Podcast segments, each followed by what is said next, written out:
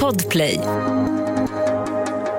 Veckans avsnitt av Snutsnack sänds i samarbete med Renault och Upplands Motor. Ja, jag tycker i alla fall ett riktigt skönt vårtecken, det är när man sätter på sommardäcken på bilen. Då känner man så här, ja, nu är det ändå vår. Ja, förutom de säsonger man har satt på däcken alldeles för tidigt så har det snöat. Så känner man så här, nej, nu är det inte vår, jag har satt på dem för tidigt. Men jag tror inte att vi är för tidigt ute nu. Jag har i alla fall bokat en tid hos Upplands Motor för att byta till sommardäck på vår eh, Renault. Och när jag ändå är där så tänkte jag reda ut begreppen lite grann. Vad är egentligen skillnaden på en hybrid och en plug-in hybrid? Och vilken typ av hybrid bör man välja och varför? Eh, det är eh, mina frågor som jag ska ställa och planen är även att jag ska provköra en av de här hybridbilarna. För att det är någonting faktiskt som vi har funderat på själva att byta till. Bra för miljön och eh, ja, framtidens bilar kan jag tänka mig. Sen ska jag även kolla om den här nya Renault Arcana kommer till Sverige, för den ser riktigt läcker ut. Du får gå in och googla Renault Arcana. Ja. Ja, vi ses kanske ute hos Upplands Motor då, för lite provkörning. Men nu ska jag berätta lite om eh, veckans avsnitt. Det är ju så att ibland så går jag utanför eh, den här eh, röda tråden som jag pratar med en polis eller före detta polis. Och det har vi gjort den här veckan, för då pratar vi nämligen med Malin som har jobbat som åklagare i 18 år och åklagaren är ju oerhört viktig i samarbetet med polisen för att leda saker till åtal och komma upp i domstolen till slut. Och vi ska reda ut begreppen. Eh, vem är det som eh, fångar bovarna? Det är såklart poliserna. Men vad heter det? Vilka är det som anhåller? Vilka griper och häktar och sånt där. Så vi reder ut det och sen så lyssnar vi lite med Malin om varför det är intressant att jobba som åklagare. Hoppas vi gillar det här, att jag går lite utanför boxen. Jag tycker själv att det är lite intressant att göra det. Facebook och Instagram, där finns Snutsnack. Vill du stötta podden, bli Patreon och det gör du på patreon.com snutsnack. kan du ta del av lite bonusmaterial och lite annat inne på Patreon. I övrigt, det är tjatigt med pandemin. Men ta det försiktigt, håll avstånd. Och så hoppas jag att du får en väldigt trevlig lyssning såklart. 1310 1070 kom. 1310 Odengatan kom. Ja, det är uppfattat. Vi tar det. Slut. Bra. Klart slut. Varmt välkommen till Snutsnack Malin. Tack så mycket. Så roligt. Nu är det så här än en gång att jag lämnar liksom min comfort zone lite grann. Jag kommer inte att prata med en polis i det här programmet utan vi ska prata om eh, åklagarens roll under en brottsutredning. Och Malin, jag vet, du har alltså jobbat som åklagare i 18 år. Just det, det stämmer. Men inte längre. Nej, inte längre. Men 18 år är ändå en ganska lång tid inom åklagarämbetet. Ja, det får man säga. Men det är faktiskt ganska många som eh, stannar kvar, liksom all the way också. Ja, det är så. Är det så roligt att vara åklagare? Ja, det är roligt. Ja. Då ska du få förklara sen i slutet på avsnittet varför det inte är det längre om det är så roligt.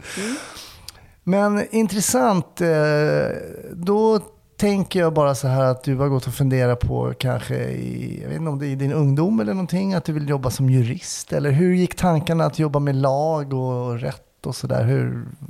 Var växte du upp då? Vi börjar där. Var växte Ja, upp? jag, jag växte upp i Akalla Jaha. utanför stan. Det var ju riktig förort liksom redan då. Eh, det är nog lite mer, eh, vad ska man säga, stökigare idag än vad det var då. Mm. Men eh, ändå, det var lite så här orten. Eh, gick i Tensta gymnasium, gick ekonomisk linje, tänkte jobba med reklam. Eh, ja, och sen bara, jag tog så här sabbatsår efter gymnasiet, stod och bredde mackor i ett år eh, och tyckte så här, ja, men nu måste jag göra någonting liksom ordentligt, för finns det att välja på? Och då så här, ja men juristlinjen, det är ändå så här, då vet jag vad jag kommer göra i fyra och ett halvt år. Så det var mer bara en eh, slump eller vad man ska säga. Så jag sökte in där, började. Eh, tyckte det var ganska trist med juridik. eh, det, ja, verkligen. Eh, så, men det var mer, när vi kom liksom till eh, straffrätten och processrätten, då var det i alla fall så här, ja men det här är ju rätt intressant. Så. Okej. Och så började jag gå lite under tiden på rättegångar. Det var mycket så här stora mål på den tiden. Eh, så jag gick liksom på fritiden och kollade lite på rättegångar och bara, nej men åklagare, det är nog det minst tråkiga juristjobbet. Så du kände ändå under utbildningen att åklagarjobbet, liksom, det lutade redan då liksom, åt det? Ja, det kom med tiden. Ja, att det det var. Så det. jag var nog rätt, eh, när jag liksom slutade juristlinjen, då måste man ju sitta ting för att bli åklagare, som det heter. Mm. Eh, två år. Det är ju lite jobbigt. Och det är inte alla Vad som- innebär det då, sitta ting? Eh, Man är på en domstol, oftast tingsrätt. Eh, I två års tid så ska man vara typ slav, eh, skriva protokoll och sådana grejer, sitta med på rättegångar. Eh, Och det var ju rätt eh, tråkigt eh, faktiskt att göra det, men otroligt lärorikt för man sitter ju och ser väldigt mycket under de här rättegångarna. Mm. Eh, Och då jag, blev jag nog liksom bara ännu mer övertygad om att jag ville bli åklagare, för jag tyckte ju de var de coolaste i rättssalen. Så. Ah, okej. Och, eh, och så sökte jag in direkt eh, efter det till Åklagarmyndigheten. Men då var det anställningsstopp. Så Okej. att eh, då började jag på domarbanan som det heter. Alltså det är en lång utbildning för att bli domare. Så Mm. jag sökte mig in till eh, Svea hovrätt. Var där ett halvår. Eh, jag brukar säga att det är det absolut värsta jobb jag har haft. Och då, ja, och då jämför jag ändå, då jag, jäm, brukar jag jämföra med att jag har jobbat extra med att gå i en sån här äh, galleria med sån här reklamskylt på sig, du vet på fram och baksidan, planksteg. Sandwich man. ja, precis. Och det var bättre. Eh, det är ju lite taskigt nu att säga det mot hovrätten. Det är säkert bättre idag, det här var ju länge sedan. Liksom. Ja, ja. Men, Eh, Så att när de ringde sen från Åklagarmyndigheten och frågade om jag fortfarande var intresserad så var det bara yes, ta mig härifrån. Och så på den vägen är det. Mm. Jaha, så ganska målinriktat ändå då mot att bli åklagare. Läste du civilrätt då innan straffrätten eller när? Eh, ja, jag tror att man läser det lite både före Ja. och efter. Men Mm. jag tyckte det var jättetråkigt med så avtalsrätt och Ja. Fastighetsrätt och sådana grejer. Det var mer bara liksom beta av. Det är kul att ändå folk fastnar verkligen för olika saker, även liksom inom juridiken. Någon bara, åh fastighetsrätt, gud vad intressant. Mm, mm. Ja, och det behövs ju. Mm. Det behövs ju alla typer av jurister. Mm. Men det är skönt att man kan liksom nischa sig lite ganska tidigt. Men sen då, det, det här anställningsstoppet då, hur länge, hur länge höll det på då? Eh, nej, men det var bara ett halvår. Ah, okej. Så jag var på Mm. hovrätten där ett halvår. Och sen till åklagarmyndigheten då, började där 2000. Men krävs det ingen ytterligare utbildning då? Än, ja, ting hade du suttit då. Är, det är det som är så att säga ytterligare utbildning för att gå Ja. mot åklagaryrket? Och det, ja, det är inte alla som vet, men när du börjar som åklagare, då börjar du som åklagaraspirant. Mm. Och visst, de första veckorna kanske du får liksom med, gå med och titta på äldre kollegor. Men säg efter så här sex veckor så bara kastas du in i din första rättegång. Eh, och då har du liksom ingen utbildning hur man håller förhör och sådana saker. Nej. Du lämnas ju inte på, på eh, juristutbildningen. Ja, just det. Så det är liksom, man får förbereda sig, skriva upp frågor. Hur snabbt körde du? Tittade du på hastighetsmätaren? Hur mycket hade du druckit? Ja, du vet så. Men då finns det olika åklagarkammare och sådär. Får man välja vad man, vilka case man vill gå in och jobba med? Eller börjar alla med trafik? Ja, alla, ja, men det är standard. Det är man, så? Man, man börjar på en viss åklagarkammare. Det är ju geografiskt eh, uppdelat. Ja. Men eh, alla går liksom samma väg. Man börjar med de vad ska man säga, minst eh, ja, bötesbrott helt enkelt. Mycket trafik. Mm. Eh, det var ju en utmaning för mig som inte har körkort. Ja, just det. Ja, det. Ja, och, eh, eh, och så mycket, ja men så här, snatterier, ringa narkotikabrott, sådana, liksom de enklaste. Men det Drömmer går, man om de stora casen då? Ja, det gör man ju. Det gör man. För samtidigt så är det ju också läskigt första gången du får det där lite större caset, för då är det ju liksom mer på allvar, det står mer på spel för, Mm. för alla inblandade. Så det är nog bra att ta det liksom lugnt och försiktigt och sakta beta sig uppåt i straffskalan så. Just det. Jag tänkte för våra lyssnare som inte har någon juridisk utbildning eller kanske inte jobbar som polis, bara det här som man ibland, man läser i tidningarna då, eh, polisen har anhållit en person på stan Mm. och sådär. Om vi bara reder ut begreppen lite grann då. Det är så, poliser griper ju. Poliser anhåller ju aldrig en Mm. De person. arresterar inte. Det är också väldigt vanligt att de arresterar. Det, och det är ju lite, det heter ju arresten, men eh, polisen griper. Yes. Ja. Eller omhändertar i vissa fall då, men Ja, vi ser ju mm. det som ska upp till åklagaren i alla fall så pratar vi om ett gripande. Mm. Och sen är det då, ska man ju då skyndsamt hålla ett förhör med den här personen då, kallas för 24-8 förhör Mm. fortfarande antar jag. Och sen ska man ju kontakta åklagaren då. Mm. Ja, direkt. Alltså i princip, egent- egentligen ska du ju anmäla ett gripande direkt till åklagaren som ska beordra 24-8. Och det där är lite, det är lite olika hur det går till. Är det liksom helt uppenbart att någon ska höras och, och man kan göra det ganska direkt, då brukar ju polisen hålla det här 24-8-förhöret redan eh, på en gång. Så. Och sen, men eh, i alla fall senast då, när man har hållit det förhöret, då ska man ju direkt ringa till den elaka åklagaren. Ja, Är de alltid- bestämma. Är de alltid elaka? Nå, nej, absolut inte. För Nej. vad är din uppgift då, då? Då ringer jag till dig och säger så här, vi har den här personen gripen för misshandel till exempel. Eh, Jag redogör då för caset, vad som har hänt och att det kanske finns en annan gärningsman som vi inte hann ikapp eller något sånt där. Det finns ju olika scenarion. Mm. Men vad, vad tänker du på? Vilka case var det du jobbade mest med under dina 18 år? Om vi kan ta något. Eh, Ja, men den, om man säger de senaste tio åren eh, som åklagare, då jobbar jag bara med det som man kallar för grova brott. Mm. Så mycket grova våldsbrott, eh, grova narkotikabrott och så lite annat sånt special eh, grejer. Så mer så här, jag jobbade inte med relation, inte med ungdomar, inte med alltså, polisledda förundersökningar. Nej. Mm. Men okej, jag ringer dig. Vad, vad, jag kan tänka mig att de här, vi ska komma in lite kanske på att de här samtalen Mm. kanske är väldigt olika. Men vad, vad är viktigt för dig som åklagare att få då för information från mig då om jag jobbar som polis? Mm. Vad, vill, vad är det viktigaste som du vill ha grund, grund Mm. liksom bas? Ja, den absolut liksom, viktigaste frågan och, och den enda frågan, om man ska koka ner det liksom till en fråga som, å, som alltid finns i en åklagarhjärna, så är det ju liksom vad finns det för bevisning Mm. och hur ska den värderas?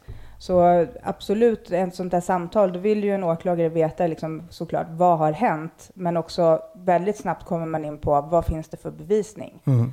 Eh, är det bara liksom ord mot ord så finns det någonting mer? Finns det skador på den här personen? Finns det några vittnen? Finns det, kan, det, kan det finnas övervakningskamera eller vad det nu kan vara? Mm. Eh, och, så det är ju en sak. Och sen det här med anhållande, det är ju inte att man bara kan anhålla och sen häkta då vem som helst, utan det ska ju finnas sätt av de här eh, skälen för det, häktningsskäl Just det. som gäller även för anhållande. Så det, och det frågar man ju också om, liksom, vilket av de här är det? Och den, eh, det enklaste är väl återfall. Liksom, är den här personen dömd tidigare? Så det vill man ju alltid veta. Mm. Eh, flyktfara, och det är ju framför allt om det är en utlänning som är här liksom, tillfälligt och kan tänkas eh, sticka. Mm. Eh, och den tredje som kanske är väldigt vanlig i alla fall när det gäller lite mer allvarliga brott, det är ju kollisionsfara. Finns det en risk att den här personen på fri fot kan liksom sabba utredningen på något sätt genom att prata med vittnen eller gömma undan bevisning som finns liksom på någon annan plats eller så. Så någon av de här tre kriterierna måste uppfyllas för att du ska kunna fatta beslutet om ett anhållande? Mm. Om det inte är de allra grövsta brotten, då är det ju vad man kallar för obligatorisk häktning. Det är lite så här slarvigt uttryckt, men då finns det en liksom presumtion för att då ska man häktas, oavsett om det finns någon sån här eh, annat häktningsskäl. Typ eh, ja, alla de här grova, alltså grovt narkotikabrott sådana, men också typ grovt vapenbrott eh, och, ja, och vissa andra. Mm. Mm. För då ligger ju beslutet på ditt bord här nu. Du ska ju besluta då. Nej, han, vi har, du, han ska friges. Eh, vi kan inte hålla honom, det finns ingen bevisning, det är för vagt eller så. De här kriterierna är inte uppfyllda. Då friger du helt enkelt personen då. Mm, mm. Precis, och det beslutet fattar ju, det måste åklagaren fatta liksom där och då. Så att du får det här telefonsamtalet, får en dragning. Den får inte vara jättelång heller, därför att du har ju massa andra, säg på jouren till exempel, då är det ju liksom telefonkö ofta. Så som polis då kanske man har liksom två minuter på sig att dra det här caset. Eh, och mitt tips är ju liksom, säg gärna vad du vill när du ringer. Så ska jag säga så hej jag vill ha en person anhållen. Ja, absolut. Och det är ju så skönt när man sitter, vi kanske kommer till det, men när man sitter på jouren då och det ringer någon sån här riktigt erfaren från krimjouren så bara hej, jag ringer, det är en kille här som du kan släppa ut. Okej, eh, och det, är så, det är såklart att åklagaren ska liksom göra sin egen prövning, men det är bra att veta liksom, vad är det du vill, vill. Mm. och eh, argumentera för det också. Så här, ja, men, eh, var, varför ska den här personen vara kvar då? Varför, Vad tycker du? Mm. Eh, så det är ju, eh, ja, det är väl ett tips. Men det är den prövningen man gör, anhållen eller inte. Och sen, eh, sen ska man ju ge liksom, direktiv. Utredningen måste ju liksom rulla på. För Mm. nästa steg sen är ju häktning. Då. Så hur går en häktning till då? Och varför häktas personen? Mm, ja, det är samma liksom, skäl för att, som krävs för att anhålla någon som häktar någon. Så att eh, du ska ju ha liksom, sannolika skäl, minst, för, när det gäller bevisningen. Det behöver ju inte vara liksom, utom rimligt tvivel styrkt på Nej. det här stadiet. Eh, och något sånt där häktningsskäl. Men du ska ju också ha liksom, någon slags plan eller eh, prognos för att du också kan stärka upp bevisläget. Mm. Eh, det är ju onödigt att begära någon häktad liksom bara för Om caset är skull. klart typ? Ja, om caset är klart och du vet att det här är liksom, kommer inte komma så mycket längre. Det kan-. Ibland är ju det klart redan från början. Mm. Eh, Men då har ju en åklagare tre dagar på sig att begära den här personen häktad hos eh, domstolen. För det läser man ju också ibland att det är åklagaren som häktar folk, men det Exakt. gör de inte. Utan då gör man en häktningsframställning till domstolen, det blir en häktningsförhandling och så är det domstolen som bestämmer om den här personen ska vara kvar eller inte. Då. Går du då till den här häktningsförhandlingen som åklagare? Mm. Mm. Och vad händer vid den här häktningsförhandlingen då? Vilka sitter? Är det hela, bara domaren eller är det liksom... Mm, eh, ja, en häktningsförhandling, där är det faktiskt bara, bara, men det är en domare och så någon sån här protokollförare, slav. Eh, Kanske sitter ting? Ja, och så är det ju åklagaren och så såklart eh, den misstänkta med sin försvarare bredvid sig. Man har ju alltid försvarare i sådana här, eh, när det är liksom häktningsfall. Och då, eh, då gör man ju en ganska snabb liksom redogörelse. Det är en, en, eh, det är ju inte, en häktningsförhandling är långt ifrån en rättegång, utan åklagaren gör ju sin då dragning, typ på samma sätt som polisen drar för åklagaren, där man presenterar bara liksom i stora drag, det här är vad som har hänt, det här är den bevisning som finns, varför man vill att personen ska vara häktad, alltså skälen för det, och sen då ger en eh, plan för vad, vad som ska hända nu, alltså hur man planerar att driva utredningen. Mm. Och sen så försvararen brukar ha en del synpunkter på, på det, eh, på de här olika, och så diskuterar man det och så liksom, och sen så fattar eh, domaren beslut. Vad har försvararen då oftast? Jag menar, det är klart att det har varit många olika fall sådär, men vad är försvaret vill ju givetvis inte att personen ska bli häktad, utan Mm. försvaret vill ju såklart att personen ska på fri fot. Mm. Men vad, vad kan man hävda där om du till exempel häv- hävdar kollisionsfara och att Mm. det är någon annan där ute och så vidare. Vad, vad säger försvaret då? Mm. Jo, men det finns ju massor med argument mot. Ofta handlar det om bevisning, Mm. men också såklart, eh, man kan ju hävda att kollisionsfaran är liksom klar. Den här personen är hörd, vittnen är hörda, eh, den här målsäganden och, och misstänkt har liksom ingen kontakt. Det finns ingen anledning att tro att eh, det skulle liksom kunna förstöras någonting. Nej. Så. Och det med, får de ju framgång eh, med i, i många fall också, att domstolen inte tycker att det är kollision. Är det en besvikelse för en åklagare som går upp till en häktningsförhandling och inte får personen häktad?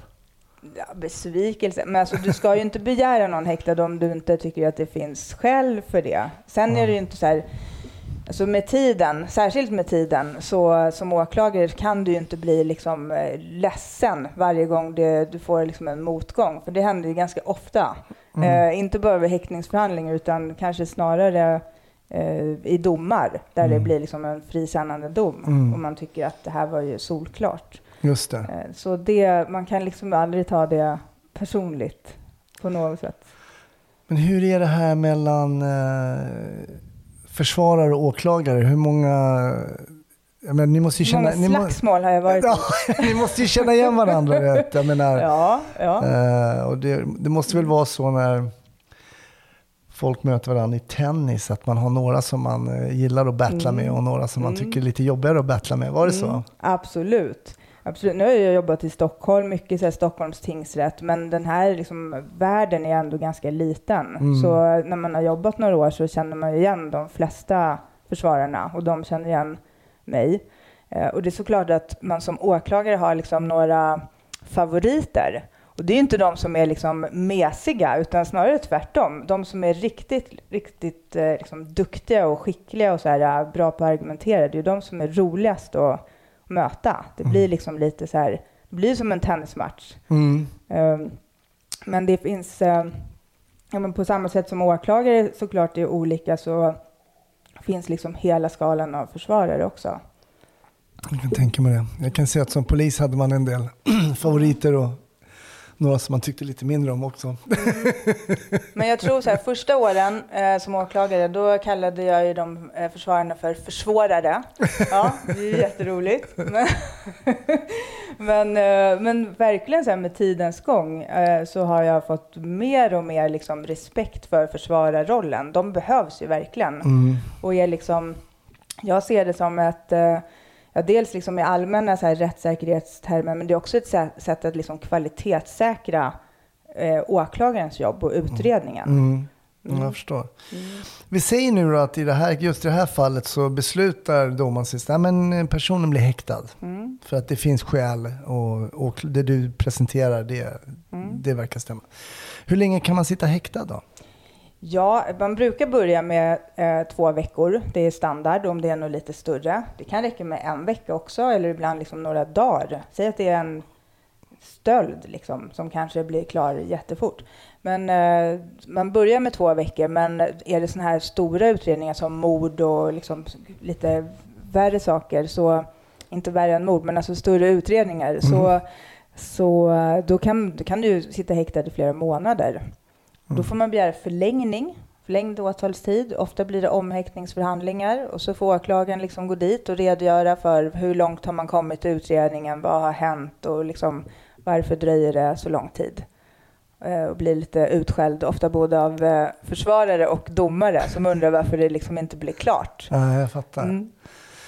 Men det finns ju folk som har suttit häktade väldigt länge i Sverige. Mm, Och egentligen finns det väl ingen yttre gräns? Eh, Nej, nej, det gör inte det. Alltså, alla tvångsmedelsbeslut ska ju vara proportionerliga. Mm. Eh, det är ju självklart. Men eh, är det liksom riktigt stora utredningar, många inblandade, gör ju också att det liksom sväller och tar tid.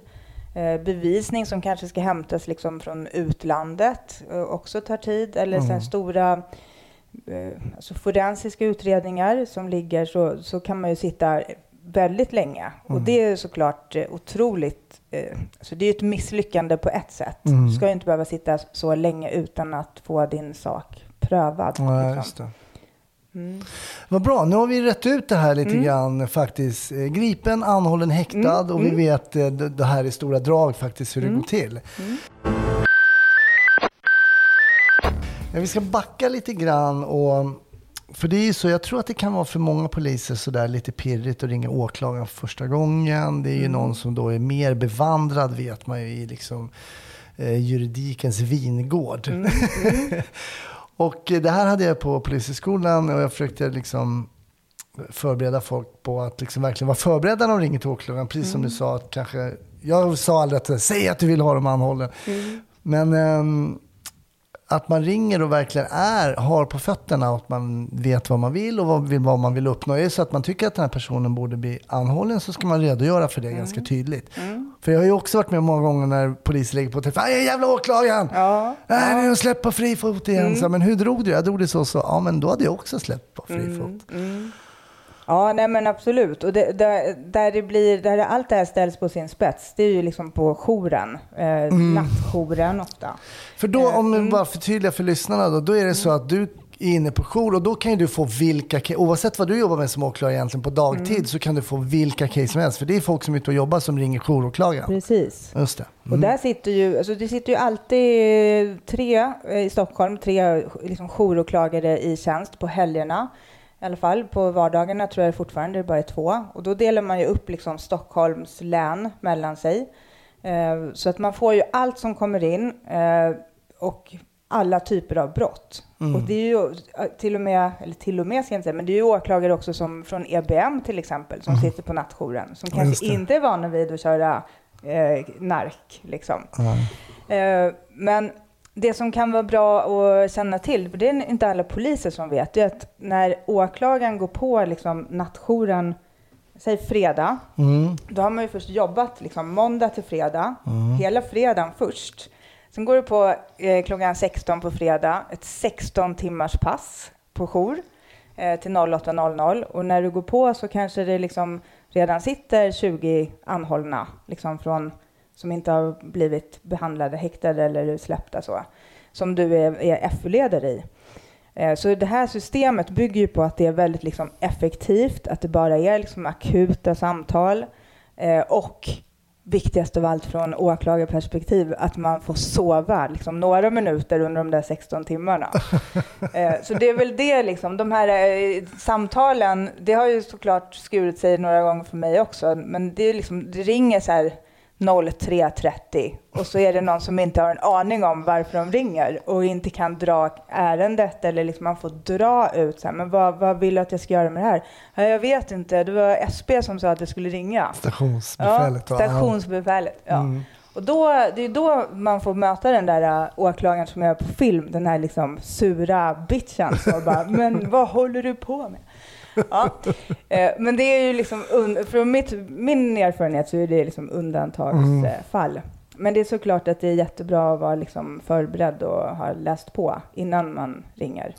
Jag eh, kommer ihåg ett roligt samtal. Jag ringde till jouråklagaren mitt i natten någon gång, kanske var så 03.30. Vi hade gripit en kille som hade ganska mycket, jag tror i alla fall 40-50 ecstasy. Tror jag. Och vi hade också tyckt att det styrkte någon form av överlåtelse. Han hade små såna här frimärkspåsar och så vidare. Och så vidare. Ja. Mm. Och det började med att ringa och det var väl någon nyvaken eh, åklagare där. Och så sa hej, jag är Hasse Brontén och bla bla bla. Och så, så har vi då alltså, vi har 47 ecstasy beslag. Och då säger en åklagare, ja, ja just det, ecstasy, det är sån där alkoläsk va?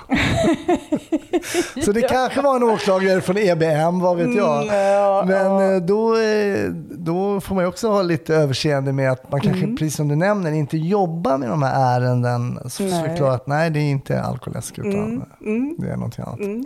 Ja, men precis. Ja, men då är, ja, det kan vara bra då att vara tydlig. Mm. Sen tror jag nu att de flesta åklagare vet Det tror vad ecstasy är. Men det, Det finns säkert ju- undantag. Men det kan ja. ju gälla andra saker som, man, som är liksom Mm, nytt. så. absolut, absolut, Mm. Verkligen alltså. Men, ja, men vad spännande. Vad, jag brukar alltid fråga poliserna som är med i ett avsnitt att berätta om ett case. Mm.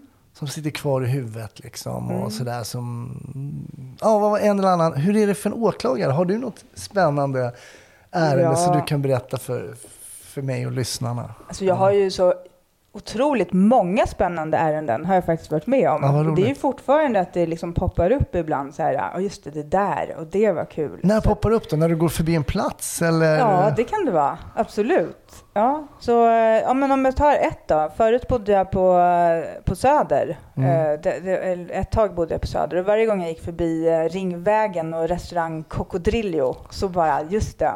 För det var, det var faktiskt ett så annorlunda och lite så här, jag ska inte säga spännande, men eh, som jag alltid kommer ihåg. Och det var, det var liksom en lång utredning, men det började på den här restaurang Cocodillo med att det var 12, eller ja, många HA-anhängare, alltså Hells Angels-anhängare, som Mm. gick, bara tog sig in på den här eh, restaurangen, eh, attackerade med massa olika typer av vapen, ett rivaliserande mc-gäng. Eh, slutade med att tre personer i alla fall blev liksom ordentligt skadade i det här andra gänget. Eh, och, det, och sen så stack alla därifrån från platsen. Så det var en lång utredning att liksom få tag i de här eh, uh, HA-personerna. Det eh, fanns en övervakningsfilm från den här kameran som var av liksom, inte världens bästa kvalitet. Och så var det ju, får man ju liksom lägga det här pusslet. Det är ju väldigt kul. Det gör man ju liksom tillsammans, utredare och åklagare. Vars, hur ska vi liksom komma vidare? För Hur ofta är poliserna uppe hos dig då liksom och sådär? Och Malin, kan vi komma upp och surra? Hur, Mm. Ja. hur mycket kontakt har du med utredarna? Ja, men då har man jättemycket kontakt. Mm. Och det är faktiskt så att åklagarna går till poliserna I alla fall om det är liksom, man har tio utredare som jobbar med ett case och så har man, nu var det jag och en kollega som hade det här. Det var kul. Det är ju väldigt ovanligt annars. Mm. Alltså, ofta är man ju själv som åklagare. Men det var jag och en kollega, så vi, då gick vi till polisen. Och liksom börjar man en sån utredning, då har man ju jättemycket kontakt, alltså dagligen Mm. och går igenom liksom var vi står. Och är det så många inblandade som 12 stycken, då får man ju verkligen liksom så åklagarens roll är ju att styra upp det här. Liksom. Eh, vad är, vart, vart ska vi? Vad, hur långt har vi kommit? Vad behövs för bevisning på liksom varje sån här person för att eh, kunna styrka brott? Hur hittade ni de här eller olika personerna? Då? Du sa att det fanns någon form av övervakningskamera. Men Ja, man... men det var, ja, men det var massor. Det var allt från liksom, telefontrafik till... Eh, jag kommer inte ihåg exakt liksom, hur man fick varje person. Nej. Men eh, det var liksom, först var det en och sen var det två och sen så gav det sig eh, eh, husrannsakningar hemma hos de här olika misstänkta som liksom styrkte upp det här.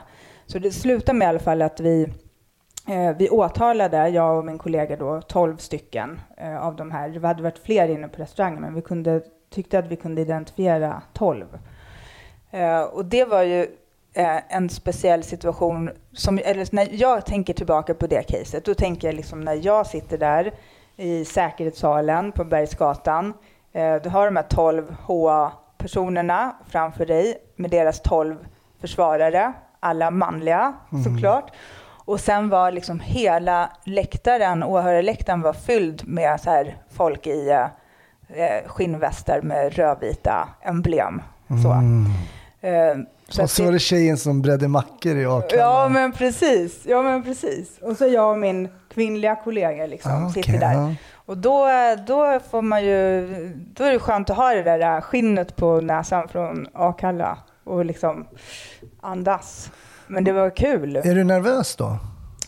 Ja, jag är jättenervös liksom precis innan Mm. när man ska in i rättssalen. Och det, var ju, alltså, det har jag varit massor med gånger. Jag, Mm. tror, jag tror att det nästan är Det är som innan ett ståuppgig liksom. Ja, men det, ja men faktiskt. Men Jag sen när du väl kommer så här- igång så- Ja, ex, precis Ja, så. Ja, men det, jag tror att det, nu har jag aldrig liksom sysslat med showbiz så, men jag kan tänka mig att det är så här rampfeber. Man är skitnervös och nästan mår så illa och sen går man på och så bara, eh, så fort du börjar så är du det borta. Då är du liksom bara, du är så fokuserad på vad du gör. Du inne i jobbet. Mm, går man in i jobbet. Hur, hur, hur började rättegången? Hur flöt det på mot de här uh, H-killarna? Eh, jo, men det började med att ingen av målsägandena kom ju dit. Ah. De brukar ju inte vara så intresserade av att liksom, eh, bidra till rättsväsendet. Så det var ju liksom utmaning nummer ett. Okej, då kör vi det här utan målsägande. Eh, sen har du också när du håller på med det man kallar för liksom organiserat kriminella, som det här var då, så de brukar inte vara så pigga på att prata med åklagare Mm. eller poliser. Så ingen av de här eh, ville ju säga någonting. Jag tror vi fick, det var två som överhuvudtaget liksom gav någon slags eh, historia så. Två av de här tolv. De andra var bara så här, du vet, drog bort micken. Ja, men- Stenhårda. Ja, och då får man ju försöka liksom ställa lite frågor. Så här, men jag påstår ju att det här är din telefon. Har du ingen kommentar till det? Så bara helt tyst. Och så får man fortsätta så, tills det blir liksom pinsamt. Eh, nej, men det, och, nej men det gick eh, bra. Eh, det var 11 av de här 12 som dömdes till ganska Okej. långa straff. Mm. Hur känns det då? Nu, liksom, nu, det är klart att tingsrättsdom kan ju överklagas då såklart. Men, men nu känns det ändå så här, ja, men nu är det i alla fall it's a wrap här. Hur, hur är den känslan då? Eh, jo, men det är såklart att det känns väldigt bra när man har jobbat med något länge. Liksom, Mm. Det här var ju flera månaders eh, utredning och så får man liksom ett kvitto så från domstolen. Och sen så i och för sig, man ropar ju liksom inte hej då i tingsrätten för Nej. ett sånt där mål vet man att det överklagas. Men eh, det stod sig ju i hovrätten också. Eh, så det var ju skönt. Eh, men det är såklart man blir liksom eh, jag ska inte säga glad, men det, det, det, ska ju, det, kän, det ska ju kännas rätt. Man ska ju känna sig liksom helt övertygad om att de här är ju skyldiga också. Mm. Och den här eh, sista personen då som gick loss, eh, det är såklart att både jag och jag tror alla poliser som hade jobbat med det här, vi var ju helt övertygade om att han hade varit där. Mm. Men eh, nu så här i efterhand så, så var det nog rätt att eh, frikänna honom, för bevisningen var inte lika stark Ah, på, okej. när det gäller honom. Så- Är det först med några års liksom, luft emellan som du kunde reflektera så? Eller Nej, nej men det förstod såklart... du det redan då eller kändes det rätt redan då? Eller? Jo, men jag förstod det redan då. Så vi överklagade ju inte gällde honom till eh, hovrätten. Ah, okej. Så, eh, vad jag minns. Nej, men det är ju, alltså, det är, jag tror ju på systemet och det Mm. är ju rätt. Så Mm. är det rimligt tvivel, då, då ska du inte dömas. Nej. Så, och det är tillbaka till det här med åklagarens jobb, att hela tiden tänka liksom, vad finns det för bevisning? Mm. Och, och räcker det? Och där är det, det räcker med den där liksom lilla, lilla smulan eh, som är rimligt tvivel. Och det är ju, det är ju försvararnas uppgift att liksom, Så det fröt liksom? ja så det fröt. Och, har de, ly- och lyckas de med det, då är det ju liksom case closed. Då ska Mm. man ju fria. Mm. Så det, det tänket har man ju hela tiden som åklagare. Och ibland så kan jag önska att det var fler poliser som hade liksom samma. Ibland brukar jag säga det så här, men sätt, låtsas vara liksom, nu är du försvarsadvokat. Mm. Sätt dig i den stolen liksom. Eh, Då, För att polisen, men precis, polisen ska ju vara helt objektiv, alltså, så både fria och fälla. Och mm, Jag var på en utbildning hos LAPD en gång i tiden och de skrev liksom i sin rapport som polisman så här. As a police officer, bla bla, bla I think that uh, this suspect is guilty liksom. Mm, Vem fan mm. bryr sig? I Sverige ingen som bryr sig om vad polismannen mm, tycker, Tycker, utan man ska ja. bara kliva fram, presentera det som talar för och det som talar emot, ge det till åklagaren och så samma där får man bearbeta den här, mm. den här. Men det måste ju finnas case då, du sa att eh, ni var den här personen som inte bedömde att ni kanske till en början var ganska säkra på att han också var där. och Så, men det måste ju finnas case som du har haft där du liksom mer eller mindre är bombsäker på Mm. att en person har begått det här brottet som du då eh, Mm. är satt att eh, åtala personen för. Måste gå de fria. Mm. Ja, det har hänt massor med gånger. Ja, Alltså massor med gånger. Och det är ju någonting som man får eh, lära sig att eh, leva med. För det är Mm. liksom systemet. Mm. Då är vi tillbaka till de där eh, rimliga tvivlen. Eller det fanns inte eh, liksom, eh, någonting ifrågasätts av eh, försvaret. Eller ibland av domstolen. Eh, eller ofta av domstolen själv. Och så bara, nej men det räckte inte. Mm. Och, och man lär sig ju liksom mer och mer med för varje utredning man har hur man ska liksom täppa till alla de här äh, luckorna. Mm. Och det är det jag tycker är så viktigt att, när det gäller liksom samarbetet polis och åklagare. Eh, Det finns ju hur många duktiga utredare som helst som har det här, liksom lite det här åklagartänket. Mm. Så vad finns det för bevisning? Och nöjer sig inte förrän det är så här, ja men nu är det vattentätt case. Mm. Så. Eh, och det, det som, där det blir, liksom, kan bli fel ibland, det är väl snarare där det har begåtts misstag liksom, från början. Mycket så, första liksom, vid gripandet eller husrannsakan, där det inte är liksom, säkrat eller eh, man har inte dokumenterat eh, hur det såg ut eller vad det nu kan vara. just det. Eh, så att det är väl... Så de här förstaåtgärderna är väldigt ja, viktiga. Ja, ja, ja, men det skulle jag säga. Det är där det liksom ibland har blivit fel. Mm. Och det går ju, ibland så går ju det liksom att rätta till. Men jag tänker särskilt på, jag hade ett eh, mord på, eh, på Plattan, alltså Sergels torg. Jaha. Ja, eh, knivmord, killen, eller den misstänkte då. eh, eller så här, det var mord med en kniv, det var allt man visste, det går ut ett signalement och så typ eh, bara några minuter efteråt så stoppas en eh, man som stämmer in på det här signalementet.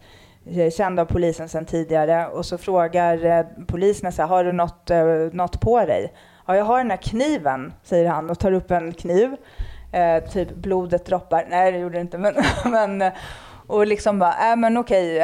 Och då, det man gör då, man tar den där kniven i beslag. Det var jättebra, för det var mordvapnet. Mm. Men man låter honom gå. Och sen var han borta liksom ett halvår. Ah. Och det är sån här grej, och det är svårt, det är lätt att vara efterklok såklart. Mm, men klart, ibland ja. så bara så här, men ha liksom hela bilden. Vi Ah. letar efter en man som ser ut så här, som har mördat någon med kniv. Kan det kanske vara... eh, Läge att gripa. Ja, men i alla fall liksom ja, göra någonting. Hämta till förhör eller... Ja, jag Mm. förstår. Mm. Ja, intressant. Du var ju 18. Men han dömdes sen, ska jag säga. Ah, Vi fick ja. tag på honom sex, år, sex månader senare. Ja. Mm. Jo, du var ju 18 år som åklagare. Om Mm. kanske är någon eh, juridikstuderande som lyssnar här. Var, vad var det roligaste med att vara åklagare? Var- Varför var det roligt att stanna i 18 år, nästan 20 år? Mm. Vad var det som fick dig att stanna och fortsätta med åklagaryrket? Vad- är det roligaste? Ja, men det är ju väldigt spännande. Eh, nu, åklagarjobbet, är, du sitter ju ofta liksom vid skrivbordet, så det är inte lika liksom, actionfyllt som att vara polis kanske, där du får vara ute liksom, och göra de här eh, coola grejerna. Så. Men eh, det är rätt spännande ändå när du sitter och har så här, telefonavlyssning och så ringer polisen och bara nu, nu har det här kommit fram. Liksom. Och så Mm. kör man, eller man gör ett tillslag och då, även om du sitter där liksom, vid skrivbordet så är det väldigt kul, eh, eller kul, men spännande så, Mm, när mm. det sånt eh, händer. Och även liksom utredningen, man bygger upp eh, metodiskt liksom en, eh, det här, den här pusslet som Mm, jag försöker, mm. för, brukar försöka förklara det med. Eh, och sen är det ju, eh, det, ju- jag tyckte det var jättekul att gå i rätten. Det är väl min lilla så här, Mm. eh, apropå det du håller på med nu, det är min lilla sån här, eh, jag vet inte. Jag är helt arbetslös just nu. Så det, Ja, men- pandemi. Ja. Eh, nej men det är kul, för det är liksom ett, lite som ett skådespel. Även om det är väldigt, väldigt allvarligt såklart och så Mm, mycket på mm, spel, så är det ändå ett, eh, liksom, jag gillar det här skådespelet som ändå är, är styrs ju av väldigt mycket ramar och regler och så. Men det är, trots att det gör det så kan allting hända liksom under en rättegång. Och det är också det som sägs under rättegången som man, eh, som man dömer på så Mm. att säga. Det är också, jag menar, även vad jag än har sagt i förhör så kan jag ändra det. Mm, ja, mer Ja, eller alltså, mindre i alla fall. ja, exakt. Det, det Eh, smäller ja. inte lika högt längre, Nej, eh, nej, okej. vad du säger under ett polisförhör, som det kanske gjorde för ja, 10 år sedan, Just eller det. 20 år sedan. Mm. Så nej, men det stämmer. Så att absolut, vill du backa från uppgifter som du har lämnat som misstänkt så brukar det liksom eh, stå sig. Mm. Mm. Spännande. Eh, Men nu är det så att nu jobbar du inte som åklagare längre. Så det var ju någonting som fick dig att eh, byta. Var det bara att få testa dina vingar någon annanstans? Eller? Eh, nja, nej men det var... Alltså, som jag sa, det är jättespännande ofta det här åklagarjobbet. Men Mm. till slut, när du har gjort allting liksom hundra gånger, Mm. så var det nog det. Alltså, jag fick ingen puls längre, som man brukar säga. nej. Så, och också faktiskt lite så här, började bli eh, lite, vad ska man säga, o, otålig eller eh, vad ska man säga, nästan irriterad på alla de här gångerna som du faktiskt försöker gå upp med mål som blir liksom ogillade eller det håller liksom inte. Du får lägga ner väldigt många utredningar som, som du liksom inte kommer vidare med. Och då finns en risk att man blir lite så här äh, cynisk eller bara, nej men nu skiter jag i det här. Det finns ju en sån risk också i Mm. polisyrket såklart. Mm. Eh, Ja, det tror jag är lite lika Mm, faktiskt. mm. När, man, när jag pratar med alla poliser som slutar också. Mm. Men, ehm, men det var inte bara det, men det var också så här, har man jobbat med något i 18 år, eller 20 år i rättsväsendet då, eftersom jag har varit lite gjort grejer innan, och så har man fortfarande 20 år kvar att jobba, Mm. eh, då så här, ska jag göra det här att in i det sista, kommer jag vara liksom en riktigt bra åklagare när jag är 64 och ett halvt och sitter där med mitt 700 000 narkotikabrott. och äntligen har jag lärt mig vad ecstasy betyder. då, Exakt, viktigt. viktigt. ja, då var det så här, nej men nu testar jag någonting nytt. Mm. Så nu jobbar jag ju med, jag jobbar ju fortfarande med brottmål, fast eh, på den privata sidan, på, en, eh, på Vinge som är en affärsjuridisk advokatbyrå och hjälper företag då. Mm. Typ anställda som eh, har begått brott, man gör så här internutredningar eller straffrättslig rådgivning. Men faktiskt också lite på försvararsidan. Alltså när företagen har gjort fel eller Så du har bytt sida lite? Ja, och det gick eh, förvånansvärt enkelt. Så att helt plötsligt växla och liksom bli, gå in i den här försvararrollen. Det gjorde det? Ja. Ja, Men hur, var, hur blev du emottagen då som för detta åklagare? Ja, men nu har jag bara varit med på liksom, polisförhör och så. Jag har Ja. inte varit någon rättegång än. Nej. Eh, nej, men inga problem alls. Dina kollegor, Eh, nya jag kollegor, då, de säger- retar inte dig för att du har varit åklagare? Nej, och det är inte så att jag ringer till utredaren och säger vet du vem jag är? Nej. Men, men eh, ibland, jag tror att de kanske förstår bara på hur man liksom uttrycker sig, Mm. att, man, att jag kanske har den bakgrund som jag har. Ja, jag förstår. Mm. Vad, tror, eh, vad tror du krävs för egenskaper av en person för att bli en, en, en duktig åklagare? Vad, vad, skulle du vilja sätta för egenskaper om du skulle anställa en person här som ska in i, Mm. och jobba som åklagare? Vad skulle du vilja sätta för egenskaper på den personen? Eh, ja, framför allt så tror jag att man måste vara eh, modig.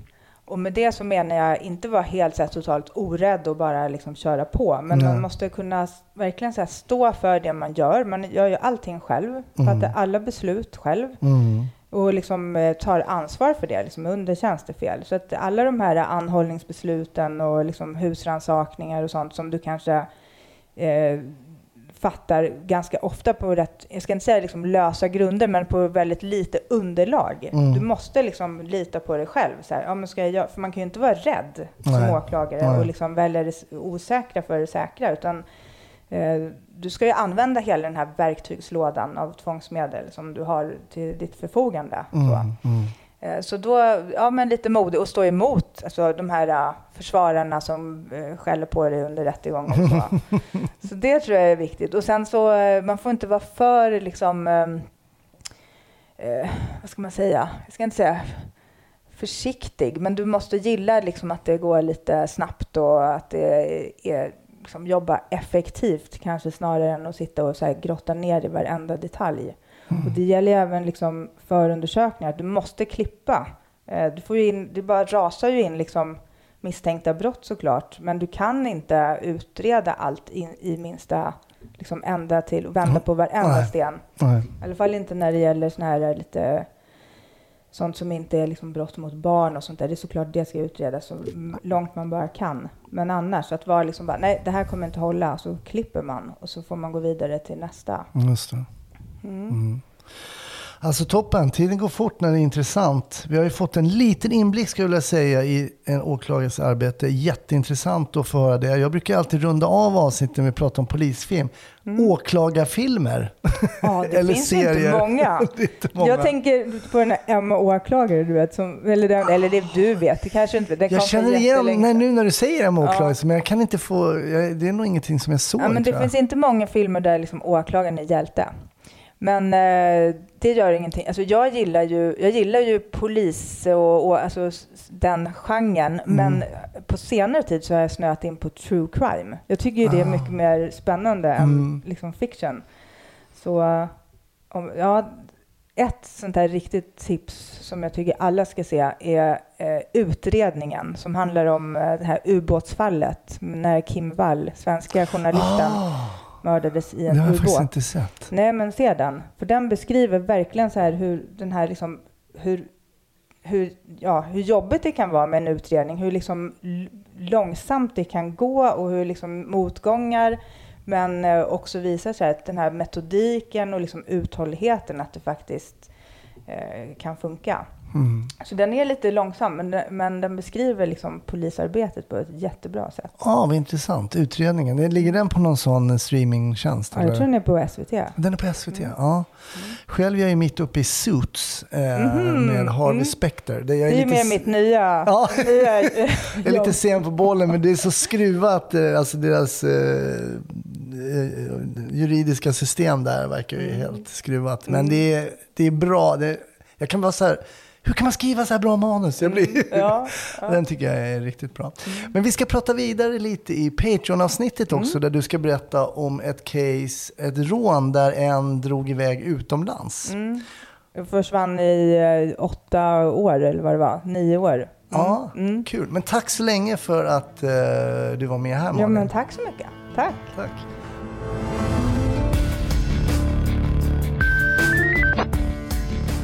Tack, veckan är över. Eh, nej, veckan är kanske inte över, men det här avsnittet är i alla fall över. Bli Patreon, gå gärna in på patreon.com eh, slash snutsnack och kika lite där. Annars finns vi på Facebook och Instagram. Och som vanligt så hörs vi givetvis i samband med nästa avsnitt. Ha det fint, hej!